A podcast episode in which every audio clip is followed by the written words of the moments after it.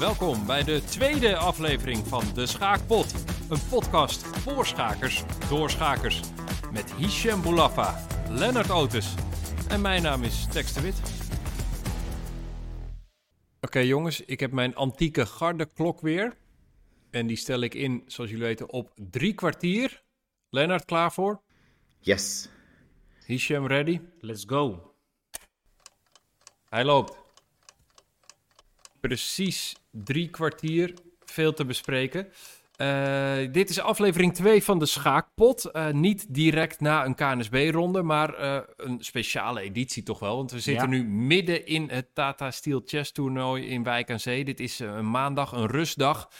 verder natuurlijk een aflevering zoals u van ons gewend bent. we hebben onze vaste rubrieken. Hichem heeft iets uitgezocht. Dit keer over vals spelen. Komen we zo op terug. Mm -hmm. We hoorden dan of hij zelf heeft vals gespeeld of misschien iemand anders. Nou ja, daar komen we zo op. cliffhanger. En uh, echt cliffhanger is belangrijk, dan blijft ze luisteren. en waar is Lennart? Hebben we ook altijd. Lennart is misschien iets dichterbij dan normaal. Ja. Want normaal is hij heel ver.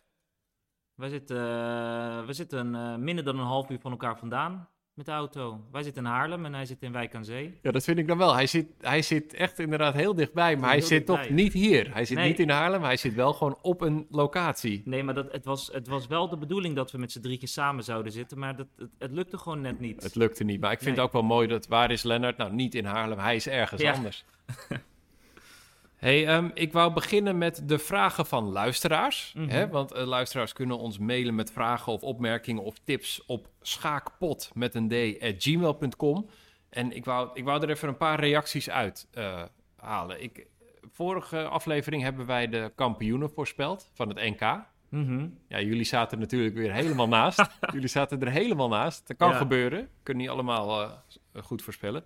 Ik zei, uh, Erwin Lamy gaat winnen. Ja. Weet je dat nog? Ik weet het nog. Ik werd uitgelachen, ik werd weggehoond. maar ik zei, Erwin Lamy gaat winnen. Ja. Nou, wie heeft er gewonnen? Erwin Lamy. Ja, je had het goed. Dus je hebt de bokaal gewonnen. Ik moet hem nog even... Nou, ik, ik, feliciteerde Erwin Lamy en hij appte terug, dankjewel. Uh, jullie maken nu dus officieel de podcast met de beste voorspellende gaven. Mm -hmm. Leuk om te horen. We kregen ook een mailtje van Erik van de Doel... En die vroeg ons: hoe kun je voorkomen dat je een dame weggeeft? Ik vraag dit niet voor een vriend. Vriendelijke groet, Erik van der Doel. Ja. Dat was inderdaad in de kwartfinale tegen Roeland Pruisers. Ja, verschrikkelijk. Dat was echt de blunder van het toernooi. Uh, gewoon dame in één. Hij deed iets van dame G2, paard nog G2. Ja. Ja. Nee, het is, het is wel... Hebben jullie het wel eens gehad? Dat je echt zo'n schaakblindheid... Ik weet dat Kramnik heeft zich een keer door de computer mat in één laten zetten. Hebben jullie wel eens echt gewoon in een serieuze partij... echt een vol stuk of een dame gewoon op zo'n veld gezet... waar die gepakt kan worden? Um, dat overkomt eigenlijk heel weinig. Maar dan moet ik wel zeggen dat ik altijd hele saaie stellingen heb. Uh, dus uh, mij zit er nooit echt mat in één in de stelling. Ik weet ook niet wanneer ik voor het laatst mat heb gezet. Wanneer heb jij voor het laatst mat gezet, Tex? Ja, online heel vaak, maar in een echte partij mat zetten, dat gebeurt dat eigenlijk gebeurt bijna nooit. Nee. Nee. nee, maar Erik van der Doel, ik zou toch uh, even de blundercheck doen als je een zet doet, hè? Ja. Even goed over nadenken en dan nog eventjes heel kort de blundercheck van staat er iets aangevallen, ben ik iets kwijt? Dat uh, adviseren we kleine kinderen eigenlijk ook, maar dus ook topgrootmeesters. Kandidaat zetten, dus niet alleen naar je eigen zetten kijken, maar misschien ook die van je tegenstander. Oh, we zitten gewoon een grootmeester advies ja, te geven. Het, is erg. Het, was, het, is ook, het was ook triest, want hij zat lekker te spelen. Had uh, in de achtste finale 2-0 gewonnen. En hij ging, er, hij ging er vrij lullig uit. Ja. Dus sterkte. Mhm. Mm -hmm. We kregen ook nog een kijkersvraag, uh, echte kijkersvraag van Manuel Sarkisjan. Die zei, kunnen jullie de luisteraars vertellen wat jullie favoriete schaakboeken zijn? Ja. Lennart, begin ik bij jou. Ja, um, ja, dat is een goede vraag. Voor mij uh, is het een boek waar ik Uh, dat uitkwam toen ik echt fanatiek aan het spelen was. En dat is The Seven Deadly Chess Sins van uh, Jonathan Rosen. En dat gaat enorm over de uh, psychologie achter schaken. hoe je tijdnood kan voorkomen. en er waren nog heel veel andere dingen die ik nu even niet goed kan herinneren. Maar het, het, het heel erg praktische en psychologische effect van het boek, dat vond ik echt enorm, enorm goed. En nu heb ik het boek al een tijdje niet meer gelezen. En ik val steeds weer in dezelfde, dezelfde fouten eigenlijk die ik die ik maakte voordat ik het boek las. Uh, dus ik ga hem straks weer even herlezen. Ja, dan weet je, oh ja, niet in tijdnood komen. Oh, wat goed. The Seven Deadly Chess Sins. En jij, Hisham? Eh, nou, ik, ik, ik lees eigenlijk niet zo heel veel schaakboeken, om eerlijk te zijn. Maar vroeger wel. En eh, een boek dat me altijd is bijgebleven is Play One E4. En dat was, het, dat was mijn hele repertoire eh, voor eh, misschien wel vijf jaar of zo. Lekker dwingend ook. Play one E4. Met uitroepteken. Oh, met uitroepteken. Ja, dus dat is wel, eh, daar heb ik wel veel van geleerd, dat boek. Dat is echt een openingsboek. Ja, zeker. Ik heb er, ik heb er twee. Ik, als kind had ik Oordeel, Oordeel en Plan van Max Euwe gelezen. Gewoon echt een classic Mhm. van onze Nederlands wereldkampioen. En dat, dat, dat vond ik heel helder. Dat zijn ook hele heldere voorbeelden van een minoriteit op de damevleugel. Dat je dan minderheidsaanval. Het zijn hele, hele simpele strategische concepten die, die, die hij heel duidelijk uitlegt. Dat vond ik heel fijn. En ik heb een eh, eindspelboek. Silmans, Silmans Complete Endgame Course. Ken je dat? En dat is, wat daar leuk aan is, hij behandelt alle eindspelen, maar elk hoofdstuk is... Je zit nu op de rating van 1000 en dan gaat hij alle eindspelen uitleggen die jij op ratingniveau 1000 moet kennen. Oh, dat is wel En het echt volgende een, eh, hoofdstuk is 1200 en dan, dan dat gaat 1400, gaat helemaal door tot 2400. Dat is wel, klinkt als een goed boek. Ja, en het is ook wel pijnlijk, want ik ging daarin kijken en, en 1800...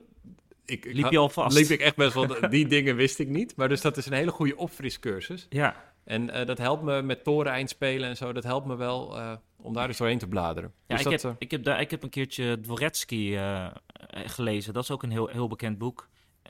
Ook een eindspelboek van Dvoretsky. Dat is volgens mij de bekendste. ja, maar daar dat is, wel, dat is wel een highbrow boek meteen. Dat is wel moeilijker, toch? Het is, het, ja, sommige dingen die, die zitten erin, die ga je waarschijnlijk nooit in je leven op het bord krijgen. Maar ja, het heeft me wel geleerd om bijvoorbeeld eh toren-eindspelen, eh, heb ik veel van geleerd. Maar ook bijvoorbeeld dame, pion tegen dame en zo, waar je dan je koning moet neerzetten. En nou, allemaal van die, van die hele specifieke stellingen. En ja, dat was wel, dat was wel interessant. Ja. Nou, ik hoop, eh, Manuel, dat je hier wat mee kan. Ik ben benieuwd wat jouw eh, favoriete boek is.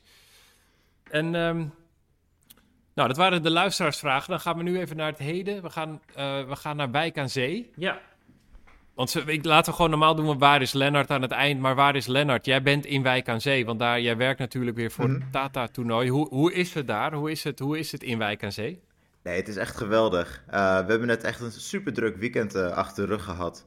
Eh, met, ja, ik denk iets van 1500 bezoekers. eh, die gewoon er zijn naast alle amateurs die überhaupt al spelen. En natuurlijk de grootmeesters. Het was echt volle bak. In de, zeg maar, bij het begin van de ronde staat er gewoon een lange rij voor de Moriaan. Met mensen die allemaal naar binnen willen. Ehm, en dat is eigenlijk iets wat ik eigenlijk nog nooit eerder heb gezien. Dus echt, eh, ja, echt een geweldige sfeer. Eh, mensen zijn, zijn ook gewoon erg blij dat ze, dat ze er gewoon weer kunnen zijn en hun vrienden hier kunnen zien. Ehm, en ik zelf eh, ben, ben betrokken bij het toernooi. Ik werk voor het toernooi, waar ik verschillende dingen voor doe. Ehm, en, bij, eh, en het mooie is dat zeg maar, mij, de nadruk van mijn toernooi zit eigenlijk eh, in het begin. Dan is het super druk. En, ehm, en juist de tweede helft van het toernooi heb ik het wat rustiger. Dan loopt alle techniek hartstikke goed. En, eh, dus ik kan nu echt gewoon gaan genieten van het toernooi. En, eh, en ook lekker bij, eh, ja, bij, bij mensen gaan kijken die aan het spelen zijn en zo. Dus, eh, ja, ik heb Is het wel handig dat jij dit zegt? Is het handig dat jij zegt dat jij nu eigenlijk niet veel te doen hebt? Ik bedoel, je bent er toch aan het werk. Weten jouw superieuren dat wel? Nee, zeker. Maar eh, bij het begin, ik, eh, laat ik het zo zeggen, we, een van de dingen die ik doe is eh, eh, dat, dat allemaal videocamera's neerzetten in de speelzaal. En die beelden sturen wij naar, eh, naar chess.com en naar Noorse televisie en naar Chessbase India. En bij het begin is het altijd eh, ja, dat je ze enorm moet helpen om, om dat technisch goed te krijgen. En er zijn altijd weer vragen van ze om, ja, om dingen te verbeteren of iets werkt niet. En eh, ja, na een paar dagen is dat een beetje uitgekristalliseerd. En dan gaan we naar Amsterdam, naar eh, de Johan Cruijff Arena. eh, waar we ook een geweldige ronde hebben gehad. Maar dat is voor mij echt een heel zware dag. Omdat we dan echt de boel aan het opbouwen zijn. En dan eh dag daarna aan het afbouwen zijn. Dan breng je alles terug naar Wijk aan Zee. Dat dagje is nog eventjes spannend. Gaat alles, werkt alles weer wat we hebben afgebouwd en, en weer aangesloten in Wijk aan Zee. En vanaf die dag ehm, ja, valt dat hele technische aspect een beetje weg bij mij. En dan kan ik gewoon lekker foto's nemen. Ik hou DGT-borden in de gaten. En ik communiceer nog steeds natuurlijk wel met chess.com of andere tv-afnemers. maar niet, eh, ja, ik hoef niet heel veel meer eh, technisch eraan te doen. He makes it sound easy. Nou, Ja. leuk man. Hey, eh, en eh Hisham, jij bent daar gisteren geweest. Wij nemen dit op zondag eh, op. Net, de ronde is net afgelopen. Jij was er gisteren. Je was ook een tijdje niet geweest. Wat viel jou op? Ja, ik, eh, ik ben echt lang niet geweest. Eh want tijdens corona ben ik er niet geweest. Eh, en ehm, ik, wil, ik, ik zou dus meespelen, maar ik heb uiteindelijk niet mee kunnen spelen. Omdat we op de schaakclub een, een belangrijk project hebben. Eh, eh, kunnen we misschien straks over hebben. Maar ik, ik, was, eh, ik was daar en het was echt anders. Dus de hele zaalindeling was anders. Eh, minder tafels en eh, ja, waar je normaal altijd eten en drinken kan halen en zo, dat stond ergens anders. Je had een groot eh, pad in het midden waar je doorheen kan lopen en je had een soort tribune of een, ja, een stage waar je op, op moest gaan staan om naar de schakers te kijken. De, de- ja, het was, het was echt heel anders. Maar je spreekt het woord anders een beetje vies uit. Nou, ik het was voel een soort waardeoordeel in Het je was anders. Het was gewoon wennen. Kijk, het was, wat, wat, wat mij bijvoorbeeld heel erg opviel. Ik was heel toevallig de dag daarvoor was ik eh, gaan stappen. En dan, ja, dan ga je naar een club toe. En dan, hè, dan moet je aan de deur moest ik gaan scannen. Ik moest een ticket scannen. En dan moest ik naar binnen. En dan krijg je een stempel voor het geval je even naar buiten gaat. En dan kom je binnen en dan staat allemaal security en zo. En een dag later ging ik naar Tata. En daar was het ook. Dus dat is echt anders. Van, ja, waarschijnlijk vanwege eh, ja, eh, nieuwe security eh, regels en zo. Maar je moest dus je QR-code scannen. Daarom stond ook zo'n dikke, dikke rij. Je kreeg een stempel. en binnen, normaal staat er één security. Volgens mij was er vroeger altijd één security. Die stond altijd bij die deur, weet je wel. Als je naar de, naar de grootmeesters toe gaat. Die stond een beetje die deur te bewaken. En nu gewoon in de zaal zelf stonden allemaal van die hele grote mannen met zo'n V op hun borst. En dat, ja, dat was wel, dat was wel interessant. Het was gewoon alsof jij echt in een discotheek was. ja, nou, of in een ik- soort museum of zo. Een, een, heel goed bewaakte discotheek, ja. Dus het was, maar dat doen ze wel goed. Dus ik denk dat dit eh, een soort van de nieuwe standaard gaat worden bij, eh, bij grote toernooien. Ja, en minder tafels betekent dat je gewoon ruimer zit als amateurschaak. Ik denk dat de amateurs het zelf eh, prima vinden, inderdaad. Dat je niet zo heel dicht op elkaar zit. Maar het heeft denk ik ook wel weer nadelen, want je kan veel makkelijker bij borden kijken. Dus je kan, je kan je niet verschuilen ergens achter in de zaal, eh, lekker rustig je potje spelen. Je hebt dus constant mensen die je partij aan het bekijken zijn. Dus dat is wel een nieuw element, daar moet je mee om kunnen gaan. En ik merkte wel, ik stond een paar keer bij een clubgenoot. Normaal als je, ga je bij een clubgenoot staan en dan na een paar seconden kijkt die clubgenoot op en dan zegt hij even hoi.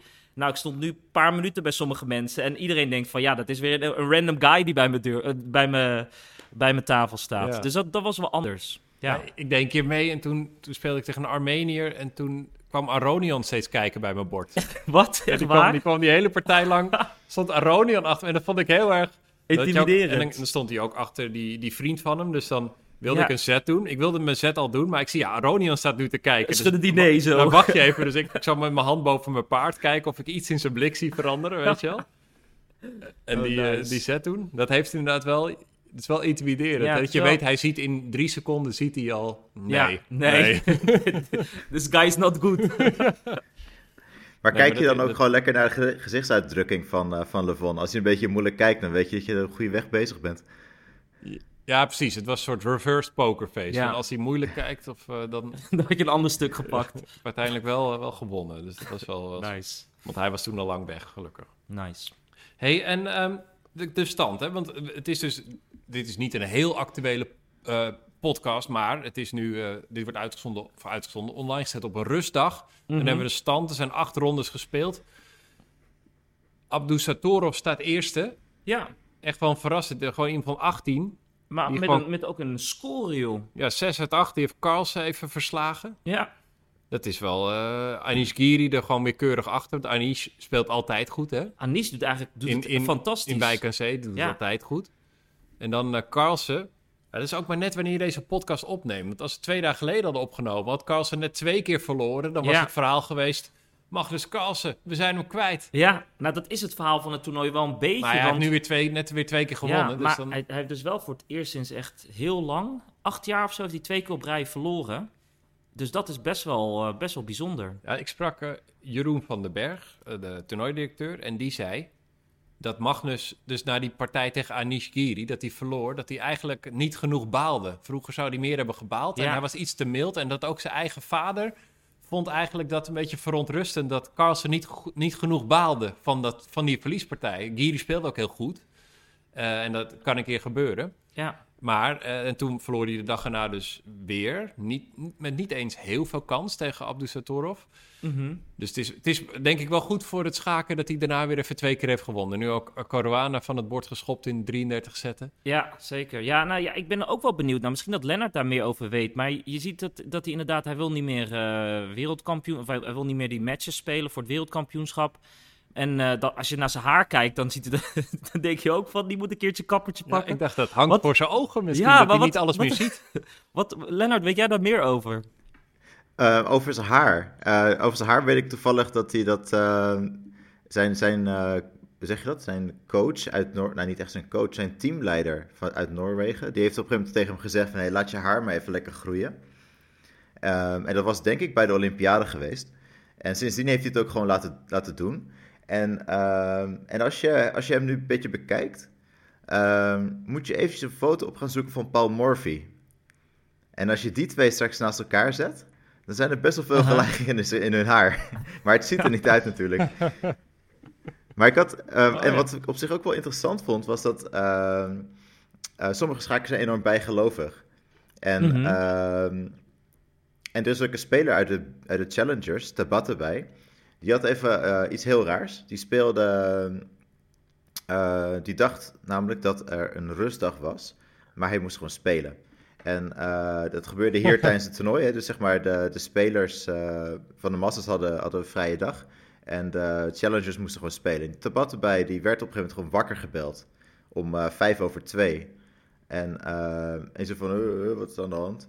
En toen zei ze van, hé, hey, ja, je klok loopt, je moet al spelen. Dus die gast, wow. die, nou, die was helemaal nog niet klaar om überhaupt te gaan spelen. Moest nog eventjes douchen en alles. En die rende volgens naar de speelzaal. Ging een partij spelen. Was ook de langste partij van de dag. Verloor die. Nou ja, kan gebeuren. Volgende dag heeft hij gewoon zijn uh, hoofd kaal geschoren. Uh, onder het mom van, ik moet even iets anders doen. En ik had stiekem een wow. beetje de hoop dat, dat Carlsen hetzelfde zou hebben in die twee verliespartijen. Dat hij dacht, ik moet even iets radicaal anders doen. Uh, ik scheer het af of ik doe iets raars. Maar uh, wow. nee, hij is niet bijgelovig. Maar dat scheren, is dat dan zodat hij, als hij de volgende keer verslaapt, dat hij in ieder geval zijn haar niet hoeft te doen? Dat, dat scheelt weer vijf minuten. Nou, ik zag foto's van hoe hij binnenkwam, hij had zijn haar niet gedaan hoor. Dat... Hé, hey, maar wacht even, wakker gebeld om vijf over twee? Is dat, doen meer schakers dat? Dat je gewoon... Uh dat ze gewoon slapen tot ze... Dat is wel bizar inderdaad, mm. toch? Nee, je zit toch in een bepaald ritme ook? Schakers zijn, in ieder geval topspelers, zijn over het algemeen zijn ze vrij, uh, worden ze vrij laat wakker. Als ik bij een toptoernooi ben en wij zitten allemaal in hetzelfde hotel... Um, ik kom zeg maar vijf minuten voor het sluitingstijd van het ontbijt kom ik een beetje aanschokken. Want het ontbijt wil ik ook weer niet missen, zeg maar. Maar er zijn bijna, bijna geen spelers aanwezig bij zo'n ontbijt. Ze gaan liever eventjes lekker lunchen uh, voor de partij.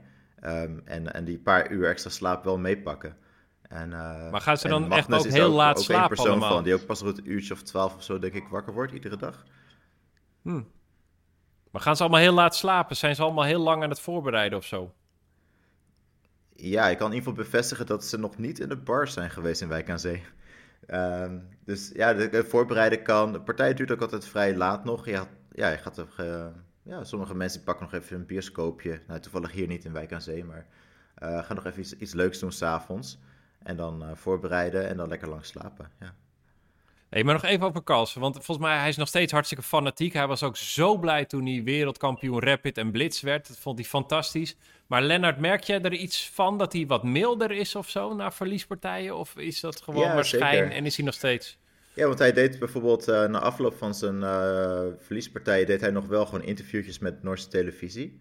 Uh, en soms loopt, hè, vroeger zou hij gewoon echt gewoon weglopen. Ik denk dat hij iets professioneler, professioneler is geworden als persoon um, daarin. Maar ja, zijn prioriteiten liggen natuurlijk weer net iets anders. Hij zit er wat losser in. En dat is juist heel erg gevaarlijk, want um, zijn, zijn, een van zijn krachten was dat hij zo erg van verliezen haatte. Of hij, hij haatte verliezen zoveel dat, uh, ja, dat, dat hij gewoon altijd, meestal na een verliespartij, een enorme geweldige partij ging spelen. En, uh, en wat je nu had, hij verloor twee keer. Daarna speelde hij gelijk tegen Jordan. En dat was echt niet de oude, oude Magnus.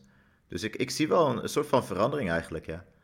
Denk je dat het nog lang gaat duren voordat die, die jonge kids zoals Abdusatorov uh, hem voorbij gaan? Nou, je ziet het natuurlijk nu wel met... Uh, ik bedoel, dit toernooi heeft zo'n geweldige layout met, of zo'n geweldige spelersveld. met juist uh, jonge gasten en de, en de absolute elite. En dus dit is al echt een soort van clash tussen, tussen jong en oud. Um, en Abdusatorov is eigenlijk ja, een van de leiders van die nieuwe jonge generatie. En bij hem zie je echt de totale focus op het toernooi. En je voelt gewoon hoe sterk hij is als speler. Um, en dit was de eerste klassieke partij dat hij speelde tegen Magnus. Um, dus hij staat gewoon voor in de onderlinge score. Um, Lekker. En maar verder, ja, we, we, gaan straks nog zien zeg maar, wat Magnus doet tegen Irrigatie en volgens mij Gukesh en nog wat andere uh, jonge gasten. Dus dan, uh, ja. ja. dan gaan we het zien. Maar ja, hij heeft, hij heeft het ook wel gewoon door. Maar ik heb alle spelers gesproken voorafgaand aan het toernooi. En eigenlijk zei iedereen zo van, ja, we denken eigenlijk dat de elite spelers nog wel sterker zijn dan, uh, dan de jonge nieuwe garde. Maar het, het, gaat wel heel snel nu. Nou ja, wat je, wat je zegt, uh, kijk, ik, wat, als ik naar de stand kijk, dan zie ik wel bijvoorbeeld uh, onderaan de laatste drie plekjes, Gukesh, Kaimar en Erigasi. Dus, en, maar daar tegenover staat dus wel, dat eerste staat dan Abdusatorov. Dus ik moet trouwens nog echt heel erg wennen aan al die moeilijke namen. Je moet, ja. je moet ze even weer leren. Ja joh, dat, dat was dan Wesley, Wesley So ja, dat was, al makkelijker. makkelijker. Hadden we net nee, Caruana leren uitspreken. Ja, precies. Dat vond ik leuk trouwens. Uh, dat zie je ook in die interviews. Dat je ziet wie, al, je wie oud en jong zijn. Carlsen is de één na oudste deelnemer na Aronian. Wauw. En Wesley So zei... Ja, die jonge, die jonge gasten, dat doet me denken aan toen ik zelf jong was. En Wesley So is 29, hè? Er zijn nu twintigers nostalgisch aan het gewoon bijna bejaard in de schakel. Ja, dan ben je echt... Uh, kan je al bijna gaan opdoeken. Nee, dan is wel leuk dat Aronian, is 40, dat die dan nog meedoet. Ja, en hij doet het prima. Hij doet het hij prima. heel steady, volgens mij geen één keer verloren nog. Nee, gewoon allemaal remises, één ja. puntje. En uh, nee, dat gaat, dat gaat hartstikke goed.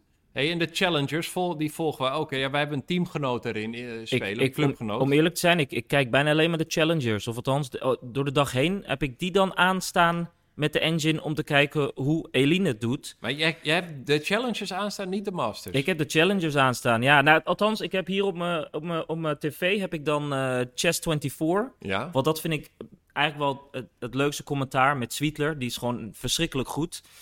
Uh, en dan op mijn computer heb ik dan, uh, althans als ik niet aan het werk ben, heb ik dan uh, Eline. Dan kijk ik die partij mee. Ja, want jij, ja. Natuurlijk ook, jij bent ook een, een, groot clubhart heb jij, hè? Dus iemand die dan bij je club speelt, die ja. volg je wel. En, maar het sowieso, er was ook veel media-aandacht voor haar. En ze heeft ja. ook een paar te gekke partijen gespeeld. Nu 2,5 uit 8. Ja. Met nog steeds gewoon een goede plus TPR, omdat die groep zo waanzinnig sterk is. Mm -hmm. Mooie aanvalspartij gewonnen van Erwin Lamy.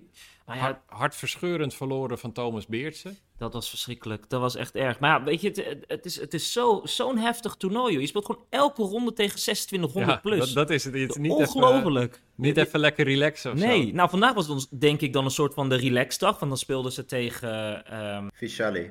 Ja, Vishal. En dat is dan, denk ik, de ene laagste rating in de groep. Dus dat is dan een soort van de relaxdag. Maar is nog steeds tegen iemand met uh, Keihard 24, voor 25. de ja, en, uh, ja, precies. Nee, het is een waanzinnig uh, sterke groep. Hoe is dat? Uh, hoe is dat gaat dat dan, zingt dat ook rond in, in Wijk aan Zee als, als zij wint van Erwin Lamy, bijvoorbeeld, na zo'n partij, Lennart? Oh ja, zeker. Hey, maar je ziet ook, uh, volgens mij de, af, de dag nadat ze van Erwin had gewonnen, waren er allemaal vrij kleine kindjes, die stonden zo vooraan in de, in de Moriaan bij, om bij de grootmeesters te kijken. En, en Eline was, weet ik wel, vijf minuten voor het begin van de ronde zat ze al een beetje. Dus die kindjes proberen een beetje contact met haar te krijgen. En uh, duimpje omhoog en handtekeningetjes geven en zo. Dus je ziet echt dat, um, ja, dat ze gewoon veel respect krijgt. Um, en daarnaast, ja, het, het mooie is ook dat zeg maar Magnus, die kijkt ook gewoon naar al je partijen. Dus, uh, dus die respect krijg je, krijg je sowieso wel een beetje. Maar ja, ze is gewoon nu, ze laat zien zeg maar dat ze een van de, ja, een van de sterkere spelers is hier. En uh, um, ja, niemand, niemand krijgt het makkelijk tegen haar. Nee, maar wat je net zegt, hè, want ik heb, ik heb volgens mij ook een foto gezien van, uh, die jullie hebben gemaakt, waarin zij, waarop zij handtekeningen aan het uitdelen is. Ik denk net voor de ronde. Maar gisteren was wel grappig. Ik zat met Eline te schaken. Uh, zij was al klaar en we zaten nog even te wachten op wat andere mensen, zoals Gooi. Gooi was nog aan het spelen, Gooi van. En ehm, er kom- komen in één keer twee jongens langslopen. Ik denk allebei rond de 25 of zo. En die staan zo stil. Ik- eh, ze kwamen niet uit Nederland. En die staan zo stil en die zitten zo Elina aan te kijken. En ik vraag ze van, hey jongens, wat kan ik voor jullie doen? En zij zo, is, is, is this, eh, is this, eh, eh, no, no, no, it's not her, it's not her. Eh, but- But wait. En toen ging hij zijn telefoon erbij pakken. ging hij foto's van Eline opzoeken. En ging hij echt zo kijken. Nee, wacht, volgens mij, nee, hè? Wij zaten een beetje te plagen. Dus Eline zei ook, no, no, I'm not, eh, it's not me. Was wel grappig. Maar zij, ze wordt echt herkend door mensen. De, ze moet echt handtekeningen Ze gaan was uitdelen. gewoon als bodyguard al mee daar. Het, eh, Nee, we zaten gewoon lekker te schaken, joh. Gewoon lekker wat clubgenootjes onder elkaar. Ehm, ja, wa- was wel gezellig. Ja, Ja, en dan heb je ook nog de, de, de, de- nou, wie staat daar bovenaan? Donchenko, die heeft volgens mij als in de hoofdgroep gespeeld. ja. Spannend, die redt het misschien. En, ehm, hey, en dan hebben we ook nog de qualifiers. Dat is toch zo, als je, dat heet de qualifiers, dat is een hele domme vraag, maar de winnaar qualified voor de B-groep lijkt me. ja. Dus dat is best wel, lijkt me, dat is een fijne route richting die B-groep. Er staat nu Nico Sweers bovenaan. En eh, vandaag was daar een heel... eh, ja, ze hebben nog maar drie rondes gespeeld. Maar vandaag eh, speelde Gooi, dus ook onze clubgenoot, tegen Nico. En ze hadden allebei 2 uit 2. Misschien was dit al een hele belangrijke wedstrijd. Maar ja, Gooi heeft helaas verloren. En Nico die is de laatste tijd sowieso dat hij het heel goed doet op een aantal toernooien. Het Hogeveen. eh op één ronde na had hij niet... of wat was het? Hij was een barrage aan het spelen voor het kampioenschap van Hogeveen. Eh, dus ja, Nico doet de laatste tijd goed. En ik, ik denk ook eigenlijk dat Nico hier... eh, ik, zie, ik zie eigenlijk niet wie Nico nog gaat tegenhouden. Heel misschien Arthur. Maar eh, Nico is echt een toernooibeest. Nou, ik zeg dat Erwin Lamy die groep gewoon weer gaat winnen. Ja, dat voorspel ik altijd. Hij doet niet eens mee in deze groep, maar ik, ik zet gewoon weer allemaal geld op eh, Erwin. ik denk dat Erwin de Masters gaat winnen dit jaar. hey, eh, donderdag hè? Ja, Toen eh, gaf ik commentaar in Ja. de arena. ja En vertel. dat was, ja, dat was niet live voor internet, maar dat was voor een zaal. Maar er zat, het was, Mhm. het was fantastisch. Er zat 300 man kwam erop af. 300? Dat denk ik wel. Lennart, zit ik te overdrijven of niet? Nee, ik dacht, ik dacht me- meer eigenlijk. Dus achter in de zaal stonden mensen nog gewoon. Dus het was. eh, ik het zit was echt eh, onderdrijven. Bestaat dat? onderdrijven? Nee, maar het was in ieder geval, er waren heel veel mensen. En ik deed het commentaar in mijn eentje, maar er schoven mensen aan. Bianca Muren kwam langs, Jeroen van den Berg. Mhm. Maar ook eh, Anand, die gast van het toernooi, Wauw. spe- special guest. En die kwam gewoon even zitten. Jouw sidekick. Nou, hij was mijn sidekick. want dat is al belangrijk. Ik had de muis waarmee de zetten ja, gedaan ja, werd. ja. En het was, was te gek om te zien, want je vergeet bij een Anand is in de 50. Mhm. En hij is gewoon heel goed, hij was wereldkampioen. Maar hij is ook gewoon nog steeds de nummer 9 van de wereld. Hè? Ja, Dus hij is gewoon ontzettend goed. En hij ehm, vertelde eerst gewoon over eh, schaken. En toen gingen we alle partijen langs. mhm. En toen vroeg ik hem steeds... eh, kan je, het was gewoon midden tijdens de ronde. Ik vroeg, oké, kunnen we alle partijen langs gaan? En dat jij dan je oordeel geeft over de stelling. Ja. En waar, waarop je dat baseert. Mhm. En dat was te gek. En toen kwam bijvoorbeeld bij Carlsen Abdusatorov. En dat was toen had Carlsen net de kwaliteit geofferd. En toen zei hij, ja, I like white. Eh, want eh, je ziet dat die zwarte velden zwak zijn. Ik zou dit en dit doen. Ik zou hier... En toen stelde hij iets voor wat beter was dan wat Carlsen in de partij deed. Maar dat deed Mhm. hij gewoon zo uit de losse pols. En hij ehm, zei ook soms dat de computerevaluaties... dat hij het er niet helemaal mee eens was...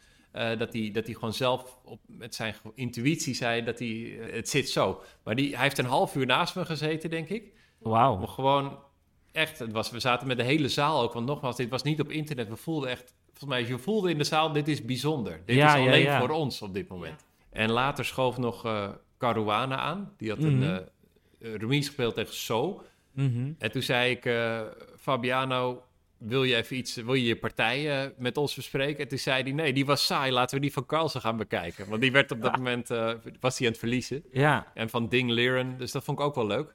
heel vet. Hij wilde gewoon zijn eigen partij, dacht hij, dat zal wel. We gaan eh, de rest doen. Maar had jij dan nog wel wat in te brengen met dat soort toppers naast je? Nou, wat, wat ik dan doe, is de vertaalslag maken Mhm. naar dat de mensen het ook nog een beetje snappen. Ja, Want Anand ook, die, die gooit er 30 zetten per seconde uit. En ik probeer dat een beetje mee te klikken om te laten zien. En Ja. ja, jij zet de pijltjes. ja, ja. Nice. En het was ook zo, bijvoorbeeld die partij van Carlsen, daar hadden we, dan had ik ergens, eh, dan laat ik ook zien van als hij dit zou doen, is Mhm. dat slim, zaal? En het is dan niet slim, want dat was een mat in twee. Van kan je dat paard pakken? Nee, Oh, dat is mat in twee. Nee, het was, eh, het was eh, gaaf om zoveel eh, schaakfans bij elkaar te zien. Hoe vond je de opstelling in de zaal, uh, Tex? De opstelling? Ja, als in van de... Het was een soort van catwalk-achtig uh, setup met, uh, in de speelzaal. Dus, dus de grootmeester zaten in één lange rij. En dan oh, aan de beide ja, kanten ja, ja. Zat, zat het publiek gewoon lekker vol op. op ja, ik moest een beetje denken aan de Queen's Gambit. Dus die laatste scène, dat is tegen Borgov, dat toernooi. Ik weet niet of je dat hebt gezien, maar Ja, daar zitten ze ook zo. En dat publiek zit er voor je voel heel dicht op. Ja. En het is ook, eh, het was heel druk. Mhm. Dus op een gegeven moment om vijf voor twee of zo ging die zaal open. Er mocht het publiek toestromen en mensen gewoon maar heel snel Echt zitten. waar? En die gingen dan snel zitten. En dan moet je maar net geluk hebben dat je toevallig bij het bord van Carlsen gaat Ja, zitten of ja, zo. ja. Want an- anders staat ook... Maar ik, had, was- ik had die foto's eh, gezien, hè? Want jullie hadden volgens mij een soort van spotlights dan op de, op de spelers. En dan het publiek zat in een soort van blauwe, donkere... Is, hadden jullie dat expres zo gedaan, zodat de spelers geen eh, contact... Dat, de, dat de, het publiek kon de spelers zien, maar de spelers niet het publiek? Was dat ja, het idee? meer. Ja, ik denk het wel. Ik, ik weet niet precies hoe het is gedaan. Maar wat, wat eh, na afloop van de partij gebeurde met Magnus. Magnus had dus net verloren van Abdusatorov. En die liep zo eh, naar boven. En daar stonden gewoon wat, wat kids die wilden handtekeningen van hem krijgen. En eh, het eerste kindje die eh, met, zo'n, eh, met dat nieuwe schaken.nl magazine zat. waar, waar, Mag- waar Magnus zijn hoofd op zit. Of zijn Ja. portret op zit. ehm, zei hij zo tegen Magnus van... Meneer Magnus, ehm, mag ik nu wel uw handtekening hebben? en Magnus zo van, ja, sure. Maar volgende keer vraag het me niet meer tijdens de partij. Oei. tijdens het rondlopen. Het equivalent is dat je bij voetbal naar de middenstip rent om... eh, Memphis, Memphis. ja, Maar Lennart, ik zat gisteren, wij zaten gisteren in de, in de perskamer ook even. En toen echt al heel laat, dat was denk ik al na achten. Toen was Caruana klaar. En toen stonden er nog steeds kinderen bij de, zeg maar, de spelersuitgang. Te wachten eh, voor, voor, om, eh, om op, op de foto te gaan. Dus die kinderen die zijn echt fanatiek. Ja, leuk toch? Als dat gewoon je held is. Gewoon echt eh, een van de beste schakers ter wereld. Ja, het is, het is gewoon super vet dat, eh, dat het zo leeft in Wijk en Zee. Ja, zeker. Leuk. hey, we gaan... eh, nou, we houden het toernooi in de gaten. Lennart, jij blijft er nog en we blijven het inderdaad volgen. Eh, ik wil even naar onze eh, vaste rubriek. Vaste luisteraars weten het al. Hisham heeft iets uitgezocht. Ja, Hisham, jij hebt vandaag iets uitgezocht over vals spelen. Ja, ik, eh, ik ben een beetje in het valspelen gedoken. Ik, ik moet zeggen dat valspelen is sowieso iets wat de hele tijd terugkomt in mijn schaakcarrière. Ik kom de hele tijd mensen tegen die eh, iets geks doen. En ehm, ja, dus eh, het gaat de laatste tijd heel veel over valspelen. Eh eigenlijk overal waar schaken wordt genoemd in zeg maar mainstream media. Ja. met het toernooi. Het was gewoon, het was elke nieuwsprogramma of krant had iets over eh, schaken Ja. maken. En- vals veel maatregelen. Ja. En het gaat ook de hele tijd over, eh, nou ja, buttplugs en weet ik veel wat voor gekke sextoys. Ehm, en dat komt dan allemaal van een theorie die iemand had dat je misschien zo'n ding ergens in kon stoppen en dan met vibraties. eh, eh, maar wat vind je ervan? Want kijk, het is natuurlijk als schakers weet je wel van ja, dan gaan we weer. Ook, ook vrienden, niet-schakers die erover beginnen van ja, nou, oké. eh. En dan Ja. ja. ja, nou weten we het wel. Aan de andere kant doet het natuurlijk heel veel voor het schaken. mhm. Maar we zijn nu al iets van een half jaar lang dat, met dat verhaal bezig. Ja, dus ik was er ook wel benieuwd naar wat is nou het effect van zo'n negatief verhaal op het schaken. Ik, laatst, Bianca zei, laatst waren ze op tv bij eh Galit en Sophie. En toen zei Bianca, ja weet je, het is wel publiciteit. Dus het is, ook al is het negatieve publiciteit, mensen praten wel over schaken. Nou, ik was sowieso benieuwd, wat heeft het dan voor effect gehad bij bijvoorbeeld wielrennen? Want dat heeft ook jarenlang doping gehad. Nou, vanaf het moment dat zij, eh, dat hij al die dopingschandalen met eh, Armstrong en zo... Sindsdien is het ledenaantal van de wielrenbond verdubbeld. Oké. Ja, dus ja, misschien dat het wel eens ook wel gaat gebeuren. Want ja, mensen praten er wel over. Maar ik was, sowieso, ik was wel benieuwd naar hoeveel mensen spelen dan vals. Eh, want ja, kijk, eh, hoe kan je dan meten of mensen vals spelen? Eh, maar Chess.com, die heeft gewoon cijfers. Die hebben gewoon cijfers. Hoeveel mensen hun account hebben we gesloten? En het blijkt dat het redelijk meevalt. Althans, als ik het cijfer noem, iets minder dan 0,2% van accounts is ooit gesloten op chess.com vanwege vals spelen. Dat valt wel mee. Nee, want ik zit er wel eens te schaken. En dan Mhm. soms krijg je opeens een melding van... eh, je hebt er 10 ratingpunten bij... want Ja. je hebt net gespeeld tegen iemand die betrapt is op vals spelen. Mhm. Dus je hebt alsnog gewonnen. Ja, Maar dat gebeurt niet heel vaak inderdaad. nee, nee, nee. Dus dat gebeurt inderdaad eh, niet veel. En ze hebben ook iets, iets meer cijfers hebben ze bekendgemaakt. Ze sluiten ongeveer 800 accounts per dag. Dat klinkt als veel, maar zij hebben echt... Ze hebben eh, 10 miljoen Ze hebben echt miljoenen. Ja. Dat is echt een verschrikkelijk grote website. Ze hebben ook laatst hebben ze Magnus Chess overgenomen. Dus ze zijn nu ook eigenaar van Chess24 en, en al die bedrijven, Chessable. Ze hebben gewoon alles. Van deze podcast nog niet, toch? Hebben ze dit ook al gekocht? Nou, volgens mij eh, gaan ze binnenkort bellen. Dus eh, ja, van. als, ze, als ze genoeg geld bieden.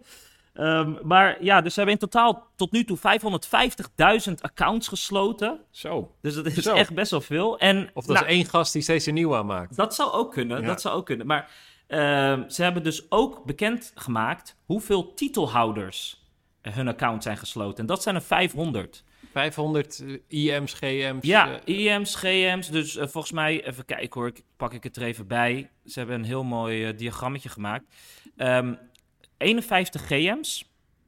Dus ja, je, ik, ik vind Dat wel best, best wel een beetje ja, tricky. Want het zijn dus ook 51 GM's die gewoon toernooien spelen en zo. ja. Je weet niet wat ze in het echt, eh, als in, eh, ik bedoel gewoon in het echt toernooien spelen.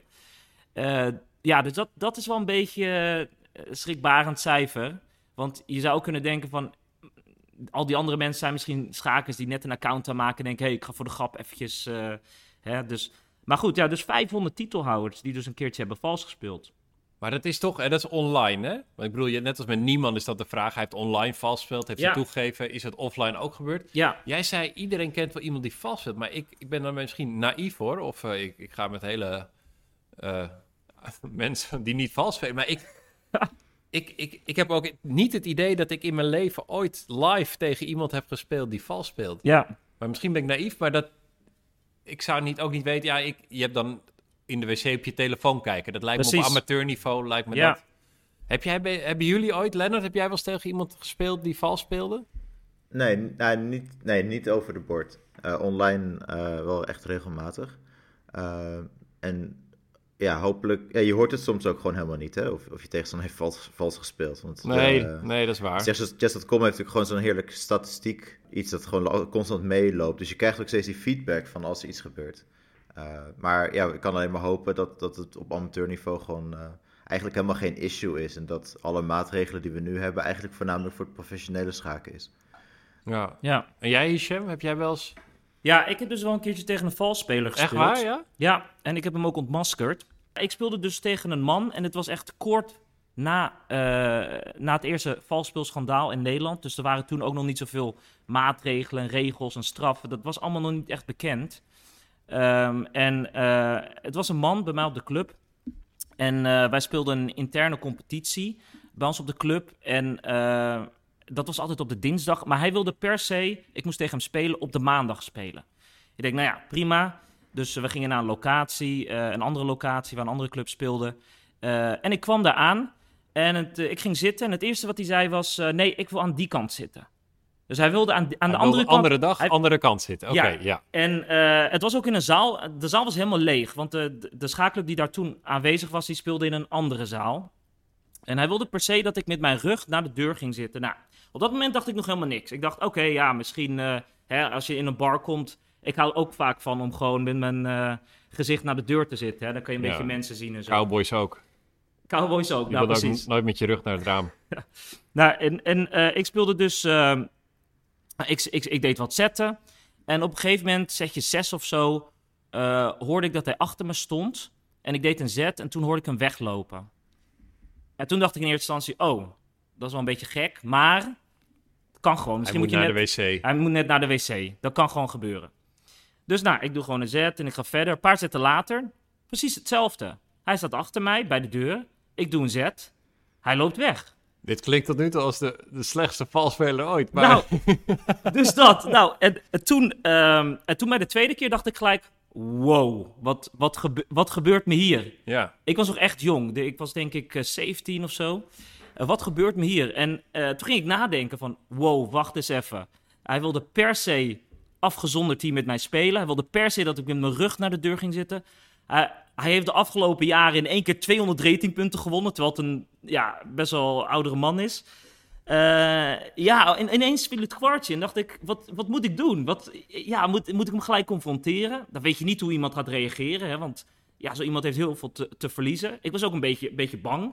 Van ja, ik, ik, moet, ik moet niet uh, te obvious nu gaan doen. Voor je het weet, suit hier voor 100 miljoen dollar. Precies, ja. En um, dus op een gegeven moment dacht ik, oké, ik ga nu gewoon alles a tempo spelen. Zodat hij niet van het bord weg kan lopen. Oh ja. Oké, dus hij kwam zitten, hij deed een zet, bam, ik deed gelijk een zet. Hij dacht na, hij deed een zet, bam, ik deed gelijk een zet.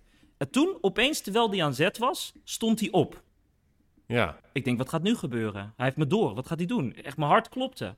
Hij buigt zich voorover en hij zegt, wil je wat te drinken? En toen dacht ik, oké, slim, slim. Tijdens zijn eigen zet. Tijdens zijn eigen zet. ik dacht, oké, oké, weet je, dat gebeurt wel eens. Hè? Ik heb ook wel eens dat ik tegen een heel oud iemand speel die naar de wc moet op een gegeven moment, weet je. Want ik speel heel vaak a tempo. Ik denk, oké, okay, uh, Ice Tea. Dus hij gaat weg.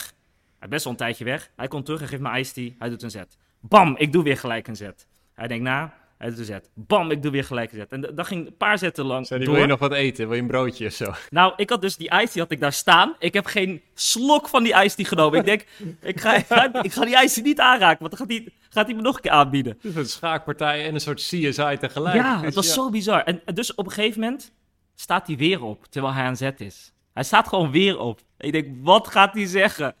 Hij buigt voorover. Ik zweer het je, dit heeft hij echt gezegd. Rook jij? Rook jij? Wat? nou, toen dacht ik echt, dit, dit gaat niemand geloven. Dit gaat echt niemand geloven. Dus oké, ik zeg, nee, ik rook niet. Toen liep hij weg. Toen heb ik 30 seconden gewacht. Dacht ik, oké, weet je, fuck it. Ik ga, ik ga er gewoon achteraan. Dus ik loop er achteraan.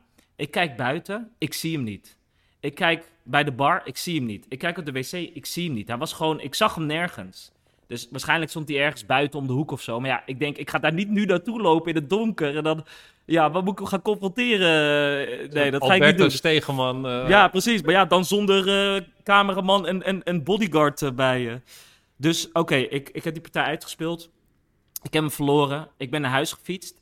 Ik bespreek het met de man van mijn schaak, man van de schaakclub waar ik al heel goed mee was, een volwassen man. Ik vertel dit verhaal en wat denk je? Hij gelooft het niet. Hij zegt, Hisham, omdat jij verloren hebt, betekent het niet gelijk dat je tegenstander hebt vals gespeeld. Hij gelooft het gewoon niet. En toen, ja, een paar dagen later, dus toen heb ik een plan bedacht. Een paar dagen later hadden we externe competitie. Uh, toen ging hij het weer doen stonden we met, uh, met een paar clubgenoten te kijken. Toen is hij ontmaskerd en toen, uh, hebben, we, ja, dus toen hebben we hem uiteindelijk geconfronteerd en uh, is hij van, van de club afgegaan. Zo, ja. wat een verhaal. Ja. Maar dat is dus wel, hij moest zich wel in heel veel bochten wringen. Dat, je ja. denkt, dat is sindsdien wel geavanceerder. Nou, ik denk dus wel echt, kijk, er zijn twee typen valspelers. Domme valspelers, die heel obvious in één keer heel veel rating winnen, in één keer uh, hè, maar je hebt ook slimme valspelers. En ik denk dat de slimme valspelers, dat daar nog nooit iemand van betrapt is. Mensen die één keer per partij even op de wc op hun telefoon kijken. Die gaan we nooit, die gaan we nooit pakken. Nee, dat is niet te doen. Dat nee. moet je wat Lennart zei, dat is voor amateur. Je moet er ook een beetje van uitgaan dat mensen daar gewoon relaxed mee omgaan. En dat niet doen. hey, uh, kijk op de klok. We hebben nog maar iets van 2,5 minuut. En dat is dat toch wel lichte tijdnood, want we hebben geen ja. increment, helemaal niks. Dus ik wil even vooruitkijken. Wij zijn er waarschijnlijk weer uh, na de volgende KNSB-ronde, ronde 6. Uh, wij spelen dan met Kennemer combinatie tegen Sas van Gent. Mm -hmm. Uit.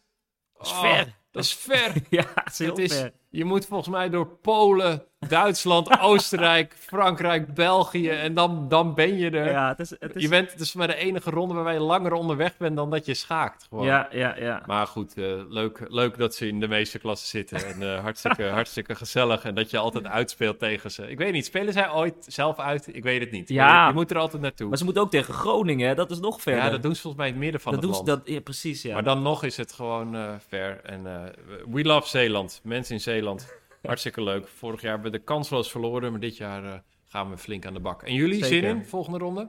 Wij moeten tegen het team van Lennart, wij moeten tegen Sopswaps. Oh, je en, speelt uh, tegen elkaar? Ja, ja. En uh, ja, Sopswaps staat eerst en wij staan denk ik gedeeld tweede of derde. Oh, dus dit is leuk. Het eerste schaakpot. Ja. Fitty, duel. Zeker, ja. Dus dat wordt wel echt een belangrijke. Ik denk, ik heb het gevoel dat degene die die wedstrijd wint, eh, de pool ook gaat winnen en gaat Ja. promoveren. Nou, dat was wel een belangrijke. Ja. Ik zet mijn geld op uh, Erwin Lamy. maar Hisham, dan kan ik je meteen even wat voorstellen. Want eh, ik moet die dag, moet ik, eh, wordt er een schaakexpositie in Amersfoort min of meer geopend. Er zit een bijprogramma bij. En eh, ik heb daar een aantal foto's hangen. En eh, ik word die dag word ik geïnterviewd door Hans Beum. Eh, dus ik kan helemaal niet spelen. Eh, zou je het leuk vinden om eventjes eh, vooruit te spelen? Voor uitspelen, wauw, dan voel ik me in één keer echt een hele goede schaker. Vooruitspelen tegen Lennart. Oké, ja, prima, we gaan het regelen. Ik wil echt heel graag vooruitspelen. Oh, dit is ik voel me opeens belangrijk, joh. Schaakpot vooruitspeelduel. Echt. Wauw. Lennart, mag, dan, mag Hisham de kleur kiezen of hoe gaan we dit doen? Gaan jullie dat nog met teamleiders overleggen? Hij moet wel met zijn rug eh, richting de deur. hey, wil jij wat drinken, Lennart? En rook jij? Ik rook niet, ik rook niet. hey, eh, we hebben nou wat leuk. Ik ben heel benieuwd. We gaan dit horen in de Ja. volgende schaakpot. Hoe deze vooruitspeelpartij er vanaf eh, wordt gebracht. Eh, dit was de tweede aflevering van de Schaakpot. Volg ons op schaakpot.nl. En heb je een vraag of feedback of een opmerking of iets wat je kwijt wil, mail dan op schaakpot met een d gmail.com.